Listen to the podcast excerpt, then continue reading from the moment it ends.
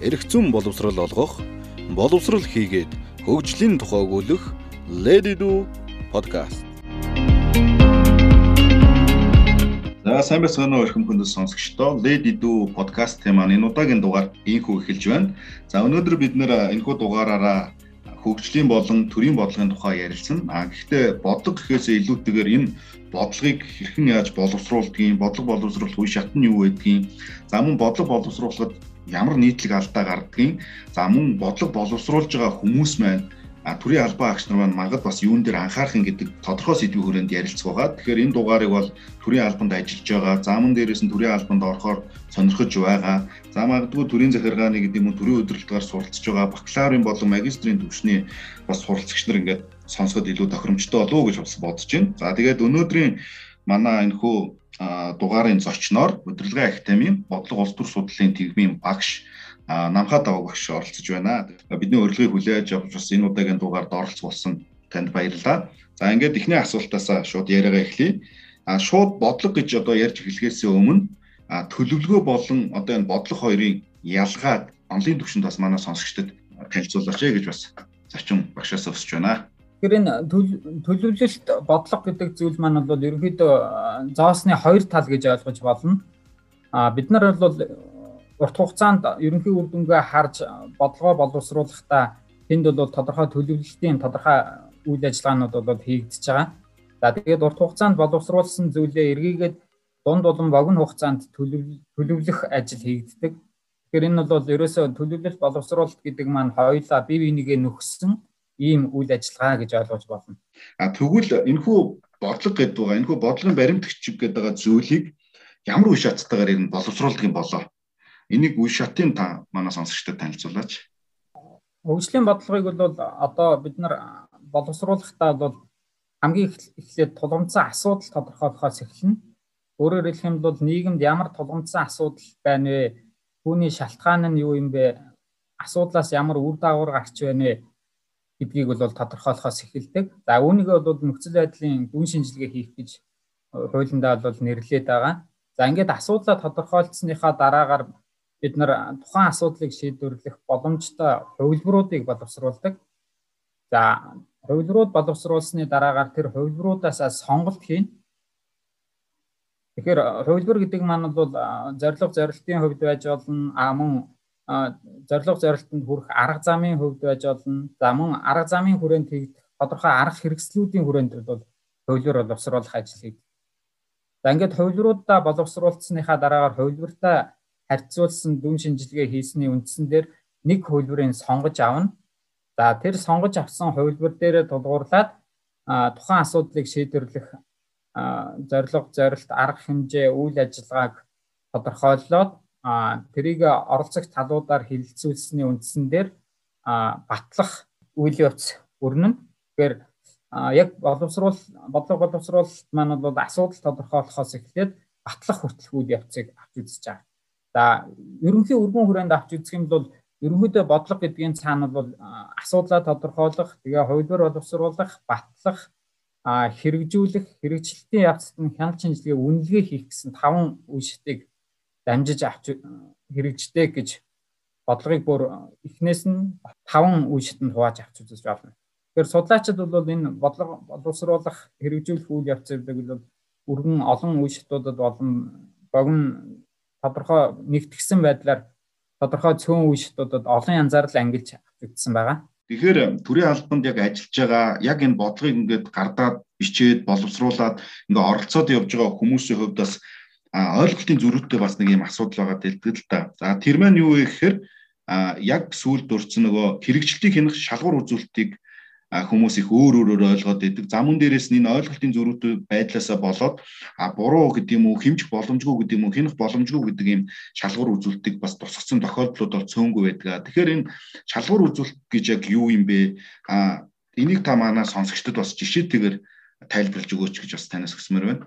Жишээн дээр авч үзье. Тэгэхээр а одоо жишээлбэл Улаанбаатар хотод тулгамдсан гол асуудал болсон агарын бохирдол гэсэн асуудал байна гэж бодъё. Тэгэхээр бодлогын хүрээнд агаарын бохирдлыг бууруулнаа гэсэн зорилт төвшүүлсэн бол энэ зорилтын хүрээнд хүлээгдэж байгаа үр дүн юугаар хэмжих вэ гэсэн асуудал гарч ирнэ. Тэгэхээр энэ агаарын бохирдлыг бууруулахын тулд бид нар агаарын дагуулгадж байгаа тоосонцрын хэмжээ гэдэг шалгуур үзүүлэлтийг гаргаж ирээд тэр шалгуур үзүүлэлтийн дагуу тоон утгуудыг суур төвшин, зорилттой төвшин тодорхойлоод хэмжих боломжтой. За мөн ажилгүйдлийн төвшин бууруулнаа гэсэн зорилт тодорхойлогдлоо гэж үзэх юм бол энэ ажилгүйдлийн төвшин буурсан гэдгийг юугаар хэмжих юм бэ гэдгийг бид нар шалгуур үзүүлэлт тодорхойлж гаргаж ирнэ гэсэн. Төрийн албан агч нар гэдэг юм уу ингээ боловсруулсан тэр төлөвлөгөөн дээрээс шалгуур үзүүлэлтийг харахаар одоо ингэж байгаа юм л да. Сургалтанд одоо хамрагдсан байна гэдэг гэж байгаа. А зорилго нь бол одоо өөрийнхөө тэр ажил дээрх практик дээрх мэдлэг ур чадварыг дээшлэх ажлын бүтээмжийг өсгөх. За энэ зорилгыг биелүүлэхийн тулд ямар одоо арга хэмжээ буюу одоо ажил хийх юм бэ гэхээр би ингээд сургалтанд хамрагданаа За шалгуур үзүүлэлт нь юу юм бэ гэдгсэн чинь сургалтанд хамрагдсан байх эсвэл сургалтанд хамрагдсан хэсэг гэдэг ингээд орхисон тохиолдлуудаас цөөнгөө гэдэг л да. Яг энэ сургалттай холбоотойгоор жишээ нь бас тохиромжтой байж болох шалгуур үзүүлэлтийн тухай хоёлоо ярилцъя гэж бодож байна. За тэгэхээр бол бид нар бол шалгуур үзүүлэлт болохдоо боловсруулахдаа чанартай чанаргүй шалгуур үзүүлэлт гэсэн ойлголт бол гарч ирж байна. Тэгэхээр сургалт зохион байгуулнаа гэдэг Тэгээд сургалтанд хамрагдсан хүний тоо гэдэг зүйлүүдийг бол шалгуур үзүүлэлт боловсруулсан талаар та өөрөө хэллээ тий. Тэгэхээр эдгээр зүйлүүд маань бол ерөнхий үр дүн хэмжих шалгуур үзүүлэлтүүд биш учраас чанаргүй шалгуур үзүүлэлт гэж үзээд байгаа. Тэгэхээр чанартай шалгуур үзүүлэлт юу хэлж гэнэ вэ гэд аваад үзэхээр боловсролын байгууллагын жишээн дээр аваад үзэх юм бол манай боловсролын салбар маань үйл ажиллагааныхаа үр дүн хэмжихтэй одоо нэг багшид ноогдох хүүхдийн тоо ч гэдэг юм уу тий. Хоёр ээлжээр хичээл, гурван ээлжээр хичээлж байгаа сургуулиудын тоог хоёр ээлжтэй болгох ч гэдэг юм уу. Иймэрхүү шалгуур үзүүлэлтүүд бол оруулдаг.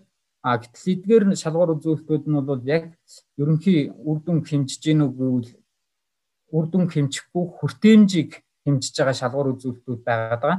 Тэгэхээр яг тэр үр дүнгээ хэмжих сайн шалгуур үзүүлэлт юу юм бэ гэхээр ерөөсөө суралцагчдын сургалтын амжилт гэдэг зүйлийг шалгуур үзүүлэлт болгоод аваад үзэх юм бол бүх ажлууд хийгдсэний дараагаар сургалтын чанарт ямар өөрчлөлт гарсан юм бэ? Сургалтын амжилт хэрхэн өөрчлөгдсөн юм бэ гэдгээр нь үр дүнгээ хэмжих боломжтой болно гэсэн. Тэгэхээр бидний гаргаад байгаа гол алдаа бол юунд оршиж гэнэ үү гэхээр ерөнхий үр дүн биш тэрний наан хийгдэх дид ажлуудын үр дүн хэмжээд байна л гэсэн яг одоо бодлого боловсруулах одоо ингээд үе шатнд гэдэг юм уу тэр бодлогын баримтчиг ингээд боогдоод гарах энэ үе шатуудад бол маш олон одоо төрийн албаа агчид за мэрэгжлийн хүмүүс судлаач нар ингээд төвшөнд төвшөндөө ингээд оролцоо явж байгаа. Тэгэхээр энэ бодлого боловсруулах таны бас ярьцлага ихэнд хэлж исэн тэр таван үе шатад яг анхаарах одоо судалгааны үндсэн дээр гэдэг юм уу судлаачийн байр сууриас хэлэхэд анхаарах зүйлсүүд яг юу байдаг юм болоо. Яг бодлого боловсруулж байгаа албаа агчдад хандаж хэлвэл. За ер нь бол бодлого боловсруулалтын үе шатуудад бид нар нийтлэг алдаа юун дээр байна вэ гэхээр нөгөө өмнөх хэсэгт ярьсан боломжтой асуудал тодорхойлох гэдгээс эхлэх шаардлага үүсэж байгаа. За тулгымцсан асуудал тодорхойлохдоо бид нар гол алдаа юун дээр байна гэхээр асуудлынхаа шалтгааныг бол гаргаж ирж чаддгүй. А зөвхөн тулгымцсан асуудлаа тойрол байдаг тийм алдаа А тулгамдсан асуудлаа бид нар зөв асуудлынхаа шалтгааныг зөв олоод тодорхойлчих юм бол тэр асуудлын шалтгаан дээр төвлөрсөн бодлого боловсруулж хэрэгжүүлэх боломжтой. А ингээд асуудлын шалтгаан дээр төвлөрсөн бодлого боловсруулаад хэрэгжүүлэх юм бол тэр асуудал бол үндсээрээ арилах боломжтой байдаг. А бид нар асуудлынхаа шалтгааныг олж тодорхойлж чадлаггүйгээр зөвхөн тулгамдсан асуудал дээр бодлого боловсруулаад ахаар зөвхөн гал унтраах бодлого болж хувираад байгаа. Тэм учраас бол гол анхаарах юм бол тухайн асуудлын шалтгааныг олж тогтоох асуудал. Нэгдүгээр тулгымцсан асуудал болж байна. За тэгээд тулгымцсан асуудлын шалтгааныг бид нар олж тогтоохын тулд яг тэр асуудлыг чинь цаана байгаа зорилтод бүлэг маань хэн бэ гэдгийг олж тодорхойлно. Тэгээд тэр зорилтод бүлгийн цаана байгаа оролцох талуудын үйлдэл эсвэл нь юу юм бэ гэдгийг тодорхойлсны үндсэн дээр тэр үйлдэл дээр тулгуурлаж ямар шалтгаан бий болж байна гэдгийг гаргаж ирнэ гэсэн. Тэгэхээр нийгэмд өвчлөл маш өндөр байна гэд тулгамдсан асуудал байна гэж үзэх юм бол тэр өвчлийн цаана юу байна гэхээр ерөөсөө иргэдийн эрүүл мэндийн боловсролын та холбоотой асуудал байна. Тэгэхээр эрүүл мэндийн боловсролыг тодорхой төвшөнд сайжруулах юм бол урьдчилан сэргийлэх арга хэмжээ маань сайн хийгдээд өвчлөл маань тэр хэмжээгээр буурах боломжтой. Тэгэхээр бид нар асуудлын шалтгаан буюу нөгөө иргэдийн эрүүл аж төрх дадал хөвшлийг л өөрчлөхгүй юм бол өвчлөл гэдэг асуудал маань бүх цаг үе дээр байсаар л байна гэсэн. Тэгэхээр бид нар гол нь энэ асуудлын шалтгааныг олж тодорхойлох арга зүйд суралцах шаардлага үүсэж байгаа. За дараагийн ээлжинд бол бид нар нөгөө нэг бодлогын хувилбар боловсруулах гэж. Тэгэхээр хөгжлийн бодлого төлөвлөл түүний удирдлагын тухай хууль дээр бол тусгагдсан гол санаа бол бодлогын тодорхой асуудлыг шийдвэрлэхдээ хувилбартаагаар боловсруулж явах хэрэгтэй гэсэн үзэл баримтлал байгаа. А хувилбартаагаар боловсруулахгүй болохоор ямар асуудал үүсэж байна гэхээр тухайн асуудлыг шийдвэрлэх хамгийн сайн хувилбарыг бол гаргаж ирч чаддгүй. Хувилбар боловсруулах явцдаа бид нар олон хувилбаруудыг хооронд нь харьцуулсны үндсэн дээр илүү сайн хувилбарыг гаргаж ирдэг. Тэгэхээр албан хаагчид маань бодлого боловсруулж байгаа хүмүүс маань гол нь бол тухайн асуудлыг бол хувилбартаагаар авч үзэхээ үзэхгүй үзэхээс илүүтэйгээр яг энэ асуудлыг ингэж л шийдэх ёстой гэсэн нэг хувилбар дээр тулгуурлаж бодлого боловсруулах гэдэг ийм практик алдаа байна. Тэм учраас бол энэ хувилбар боловсруулах дээр гол анхаарах шаардлагуудад бий болж байгаа. Тэгэхээр хувилбар боловсруулсны дараагаар хувилбаруудад бол нөлөөллийн урдчилсан үнэлгээ хийдэг. Өөрөөр хэлэх юм бол энэ хувилбараар бодлогыг хэрэгжүүлэх юм бол ямар эерэг сөрөг үр дагавар гарах вэ гэдгийг урдчилж тооцно гэсэн. Тэгэхээр бид нар тодорхой асуудлыг шийдвэрлэх гэж нэг хувилбар боловсруулчаад энэ хувилбараар бодлогыг хэрэгжүүлэх юм бол ямар сөрөг болон эерэг үр дүн гарч болох вэ гэдгийг тооцдог. А ингээд тооцохгүйгээр бодлогыг батлаад хэрэгжүүлснээс болоод бодлогыг хэрэгжих явцдад тооцоологдоогүй үр дагаврууд гарч ирээд эргээд нөгөө нэг бодлого маань иргэдээр дэмжигдэхгүй нөхцөл байдал үүсэх тохиолдол бол их байдаг. За жишээлх юм бол одоо агаарын бохирдлыг бууруулах хүрээнд Улаанбаатар хотод бол сайжруулсан төлшийг бол хэрэглээнд нэвтрүүлж байгаа. Сайжруулсан төлшийг хэрэглээнд нэвтрүүлэхээс өмнө бид нар энэ сайжруулсан төлшийг хэрэглээнд нэвтрүүлэх юм бол ямар эерэг сөрөг үр дагавар болох вэ гэдгийг урдчилж тооцно гэсэн. Сайжруулсан төлш маань бол ямар онцлогтой вэ гэдгээд аваад үзэх юм бол нүдэнд харагдахгүй угаарыг бол ялгаруулж идэг. За нөгөө талаас бол иргэдийн маань төлшөө хэрэглэхтэйгээ холбоотойгоор эерэг дадал хвшлүүд бол суугаагүй байна. Өөрөөр хэлэх юм бол зуухны битүүмжлэлийг хангах, яндангаа хөөлөх гэх мэтчлэнгээр тийм дадал хвшил бол бүрэн суугаагүй байсан. За энэ хоёр нөхцөл байдлыг хооронд нь уяад аваад үзэх юм бол сайжруулсан төлш маань бол угаар их ялгаруулдаг юм байна. Иргэдийн дадал хвшил маань бол сайжруулсан төлшийг төлөх төлөх аюулгүй төлөх хэмжээнд хүртэл бий болж чадаагүй байна гэдэг зүйлээс тооцоол дээр тулгуурлаад а энэ сайжруулсан төлшийг хэрэглээнд нэвтрүүлэхээс өмнө бид нар иргэдтэй зөв мэдээлэл өгөх ёстой юм байна гэдэг зүйл маань нөлөөллийн урдчилсан үнэлгээний хүрээнд гарч ирэх ёстой.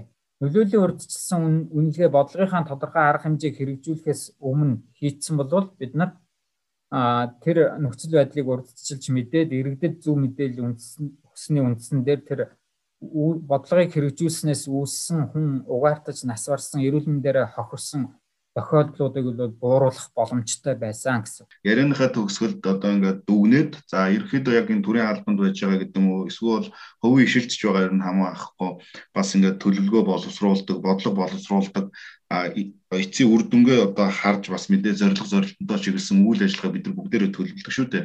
Тэгэхээр ер нь энэ төлөвлөдөг төлөвлөгөөнд оролцдог, бодлого боловсруулалт болон хэрэгжилтийн үе шатанд оролцдог эдгээр хүмүүс та ямар зөвлөгөө өгөх бол энэхүү зөвлөгөөгөр бас энэхүү подкастын дугаар өндөрлөё гэж бодож байна.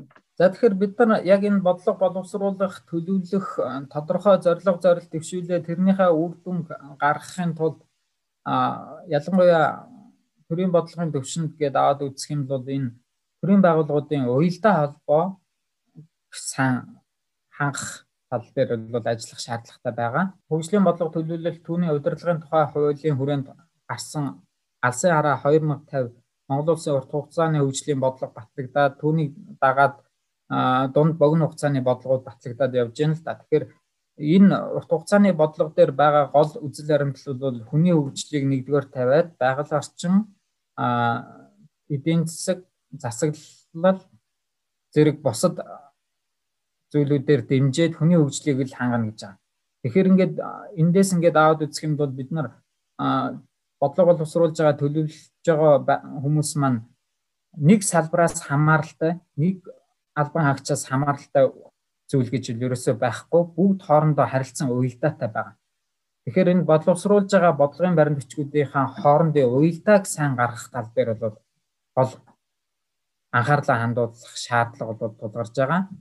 За тэгэхээр энэ уялдааг сайн хангахын тулд хамтын ажиллагаа, хоорондын мэдээлэл солилцох, зөвшөлдсөх, нэгдсэн ойлголцонд хүрэх ийм үйл ажиллагаанууд бол ихээр хийгдэх шаардлага бол бий болж байна гэсэн. За мөн энэ ярилцлагуудын хүрээнд гарч ирсэн шалгуур үзүүлэлт бол чанартай шалгуур үзүүлэлтүүдийг боловсруулж ерөнхий үр дүнгээр хооронд нь уйх асуудал бол их чухал байгаа.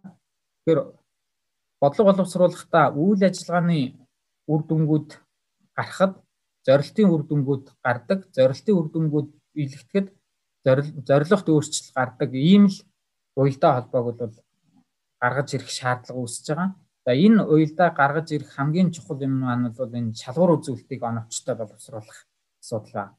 Шалгуур үзүүлэлтүүдэд бид нар үйл ажиллагаа болгон дээр үр дүнгуудын сайн тавиад дээд ирмэнийхэн бодлогоодын зорилго зорилтуудтай уялдуулаад гаргаж ирж чадах юм бол үйл ажиллагаанууд биелэгдэхэд зорилтуудад эерэг өөрчлөлт гарах, зорилтууд биелэхэд зорилгод эерэг өөрчлөлт гарах ийм үр дүнг бол бий болох боломжтой гэсэн үг ээ. За баярлалаа. Бидний энэхүү удаагийн дугаарт бас өргөдөн оролцож өөр хүнтэй цагаас биднэрт зөвлөгөө мэдээлэл өгсөн танд баярлалаа. Ингээд Lady Do podcast-ийн маань дугаар энэ түрээд өндөрлөж байна. Таны цаашдын ажил амьдрал болоод эрдэм шинжилгээний ажилд амжилт хүсье. Анхаарлаа хандуулсан сонсогчдоо баярлалаа.